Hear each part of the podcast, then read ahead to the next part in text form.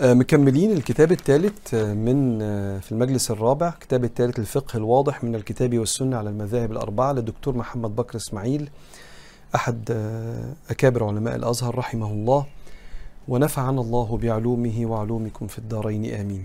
الفقه على المذاهب الأربعة آراء الأئمة الأربعة في المسائل الفقهية اللي هنقرأها علشان يبقى عندك رؤية كده في الخلاف اللي موجود ما بين الأئمة الخلاف المقبول اللي يخلي فيه تعدد في الآراء فالكل آه، يلاقي في آه، آراء الفقه الإسلامي ما يناسبه آه، لأن اختلاف العلماء رحمة واسعة.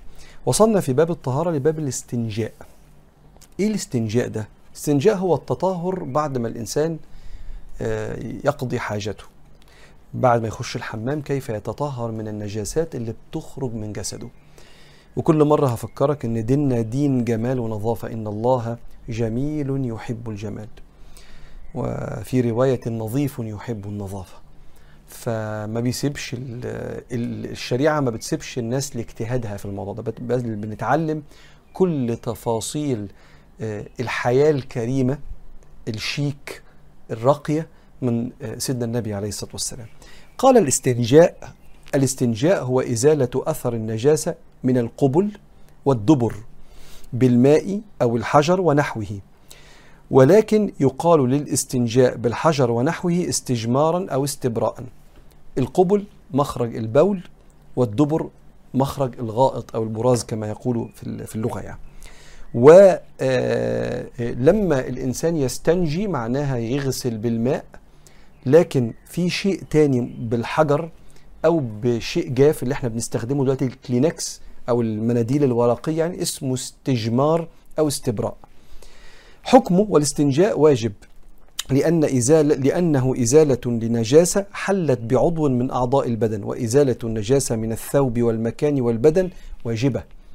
آه ما هو الإنسان لما بيخش الحمام بتخرج منه نجاسة وبيبقى عالق يعني لازق في الجسد بعض آثار النجاسة. فالمفروض إن النجاسة دي إحنا نغسلها أو نزيل هذه النجاسة. ليه؟ لأن الطهارة شرط من شروط العبادات. طهارة الثوب وطهارة البدن وطهارة المكان. طيب. وعلى المسلم أن يستنجي باليد اليسرى لا باليد اليمنى إلا لضرورة فإن اليد اليمنى خصصت لفعل كل شيء طاهر كالأكل والشرب والكتابة وما إلى ذلك. فإذا قام يعني من خلص التواليت خلص الحمام خلص قضاء الحاجة فإذا قام مسح الماء في سرواله لكي لا يشك في خروج شيئا من ذكره فإن الوسواس يوجد يوجد حرجا للمسلم وقد نهى الرسول صلى الله عليه وسلم عن التمادي في الوسواس. آه بيقول لي بقى الحتة دي؟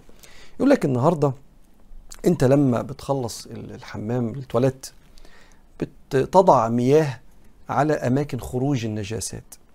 فلما الإنسان بيتبول وبيخلص وبيستنجي بال بال بال بالماء في مكان خروج البول يرش مية كده على الملابس اللي لابسها ملابسه الداخلية. قالوا ليه؟ قال لك عشان لو حسيت إن في نقطة مية نزلت منك تقول لا لا ده ما نزلش مني ولا حاجة. ده المية اللي أنا رشيت لو حسيت ببلل كده. قال لك فإن ذلك من عامة الوسواس. وناس كتير عندهم الأزمة الكبيرة دي.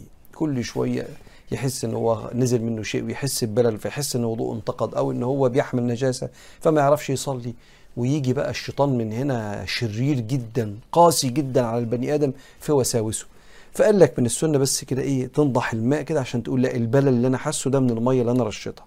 وده من تيسير الله على العباد وتيسير النبي عليه الصلاة والسلام على العباد. وتفهم إن ربنا مش متربص بيك. مش متربص بيك يعني زي ما أنت بتقول في حق البشر مش بيقف لك على الواحده بل يريد الله بكم اليسر ولا يريد بكم العسر. قال وأمرنا أن نقطع الشك باليقين والوسواس خبل في العقل ونقص في الدين. قال ابن القيم في كتابه النفيس إغاثة اللهفان من مصائد الشيطان قال الشيخ أبو محمد ويستحب للإنسان أن ينضح فرجه يعني مكان خروج البول أي يرش عليه ماء بعد الاستنجاء وكذلك سرواله اللبس الملابس الداخلية يرش عليها بالماء إذا تبول ليدفع عن نفسه الوس الوسوسة فمتى وجد بللا قال في نفسه هذا من الماء الذي نضحته النضح يعني تعمل كده. لما رواه أبو داود بإسناد عن سفيان بن الحكم الثقفي قال كان النبي صلى الله عليه وسلم إذا بال توضأ وينتضح. يرش المية كده على آه، ملابسه. يعني يرش الماء على فرجه يعني على آه، العضو الذي يخرج منه البول وعلى سرواله ماء حتى لا يتطرق إليه الوسواس. طبعا لينا إحنا مش للنبي عليه الصلاة والسلام بيعلمنا إحنا يعني. وفي رواية قال رأيت رسول الله صلى الله عليه وسلم بال ثم نضح فرجه صلى الله عليه وآله وسلم.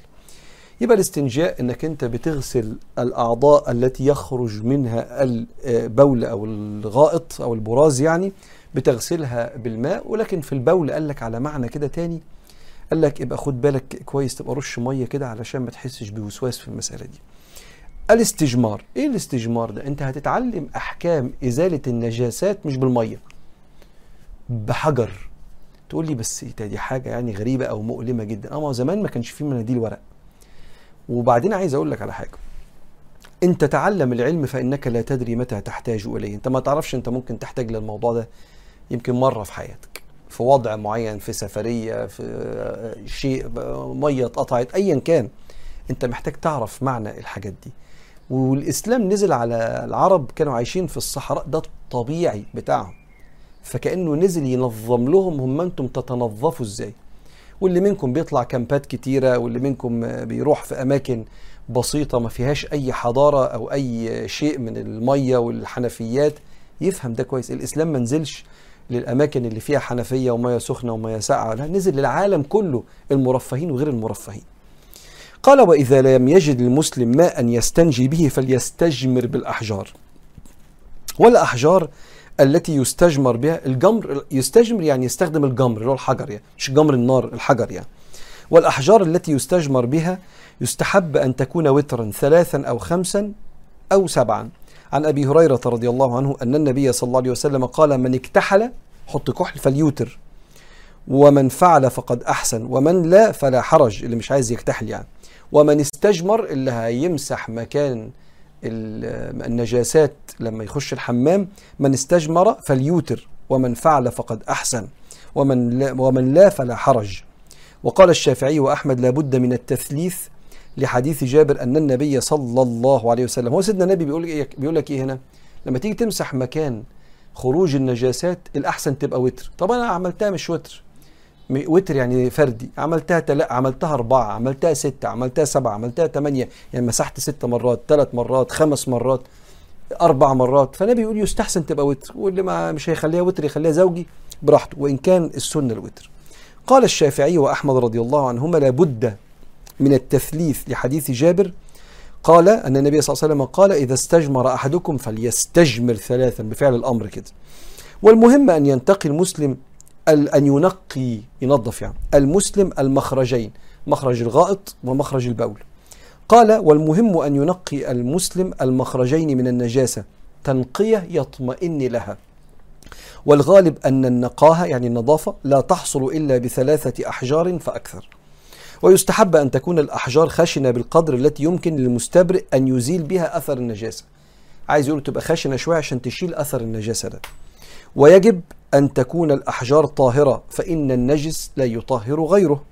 ما ينفعش واحد يمد إيده على روثة يعني يمد إيده على تواليت بتاع بعير. وده حصل زمان إن واحد من الصحابة جه يستجمر مد إيده ما جابش حجرة جاب روثة بتاعت بعير. فالنبي قال له لا ما تعملش كده ما ينفعش. النجاسة لا يزال بها النجاسة. وعن ابن مسعود رضي الله عنه قال أتى النبي صلى الله عليه وسلم الغائط يعني راح مكان دخول الحمام يعني. فأمرني أن آتيه بثلاثة أحجار. فوجدت حجرين والتمست الثالث فلم أجد أجده فلم أجد. فأخذت روثة يعني مخرجات حيوان نشفة. فأتيت بها فأخذ الحجرين وألقى الروثة وقال هذا ركس يعني هذا شيء من النجاسة يعني. ركس زي رجس كده يعني. والرج والركس هو النجس. ويكره الاستجمار بعظم أو رجيع والرجيع هو روث الدواب مخرجات الدواب اسمها الرجيع. وعن عبد الرحمن بن يزيد قيل لسلمان الفارسي علمكم نبيكم كل شيء حتى الخراءة. قال سلمان أجل نعم نهانا أن نستقبل القبلة بغائط أو بول أو نستنجي باليمين أو نستنجي برجيع أو عظم. أنا عارف أن الكلمة دي هي كلمة أصبحت سوقية دلوقتي. هي كانت في اللغة العربية زمان يعني دخول الحمام يعني البراز أو الغائط. فال فقيل لسيدنا سلمان يعني نبيكم علمكم كل حاجة حتى دخول الحمام اليهود اللي كانوا بيسالوا سلمان. كل اتكلم في كل حاجة معاكم حتى نظافتكم في الحمام. أيوه علمنا كل حاجة صلى الله عليه وسلم. عشان يحطنا على معيار النظافة النبوي اللي النبي ربنا علمه للنبي والنبي بيعلمه لنا فإحنا محطوطين على المعيار الكبير صلى الله عليه وسلم. واللي سافر منكم أوروبا مبقاش في الشطافات بتاعت اللي في التواليتات؟ عارف بيستخدموا ال- ال- ال- ال- الكلينكس أو المناديل الورقية في التنظيف فمحتاج الكلام ده لأن المناديل الورقية ينفع ولا ما ينفعش؟ آه ينفع لأن إحنا عندنا حكم الاستجمار بالأحجار خدنا منها إن إحنا يجوز نعمل حاجة زي كده لما نفتقد الماء. وعن أبي هريرة رضي الله عنه أنه كان يحمل مع النبي صلى الله عليه وسلم إداوة لوضوئه شايل ازازه صغيره فيها وضوء النبي. وحاجته نزل مية الإزازة الصغيرة دي علشان آه، لما النبي يخش يعني يدخل الخلاء صلى الله عليه وسلم.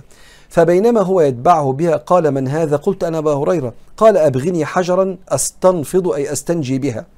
احجارا أستنجي بها. ولا تأتني بعظم ولا بروثة. فجئته بأحجار أحملها في طرف ثوبي فوضعتها إلى جنبه فوضعتها إلى جنبه ثم انصرفت. حتى إذا فرغ مشيت. يعني أنا حطيت الأحجار جنب النبي وبعدين النبي راح يقضي حاجته. وبعدين آه، آه، لما جيت للنبي بعد ما خلص وصلى الله عليه وسلم استخدم الأحجار دي فقال ما بال العظم والروثة؟ فبقول لسيدنا النبي هو ليه حضرتك سبت العظم؟ ما ينفعش نستنجي أو نستجمر بالعظم؟ قال هما من طعام الجن وإنه أتاني وفد جن نصيبين وفد جن من مكان معين. والنبي بعث للثقلين الجن والإنس للعالمين. والجن فيهم المسلم اللي آمن بالنبي عليه الصلاة والسلام وفيهم الكافر. والجن مخلوقات مكلفة زينا عندها اختيار عكس بقية البشر كل بقية الخلق كلهم مسيرين إلا الإنس والجن عندهم اختيار ومكلفين والان والنبي بعث للإنس والجن. قال فسألوني الزاد فدعوت الله لهم ألا يمروا بعظم أو روثة إلا وجدوا عليها طعاما. عقيدتنا إن إحنا بنؤمن بالغيب. الغيب بيخبرنا بيه الله ورسوله. سيدنا النبي قال لنا إن العظم المتبقي من البني آدمين الجن بياكله آه إحنا آمنا بذلك. ليه آمنا؟ لأن إحنا أصلا مصدقين إن في جن من ربنا ومن النبي عليه الصلاة والسلام. فأصلا إحنا المخلوق ده ما نعرفوش إلا من الغيب اللي ربنا أخبر بيه. أهو ربنا أخبر عن الجن. هو هو ربنا قال إن الجن بياكل العظم ده. فعشان كده إحنا مش بنستخدمه في التنظيف عشان نسيب أكل لغيرنا من المخلوقات اللي إحنا مصدقين بوجودها عشان إحنا بنتعايش. مع كل المخلوقات اللي معانا اللي شايفينهم من الجماد والحيوان والنبات واللي مش شايفينهم من الملائكة والجن.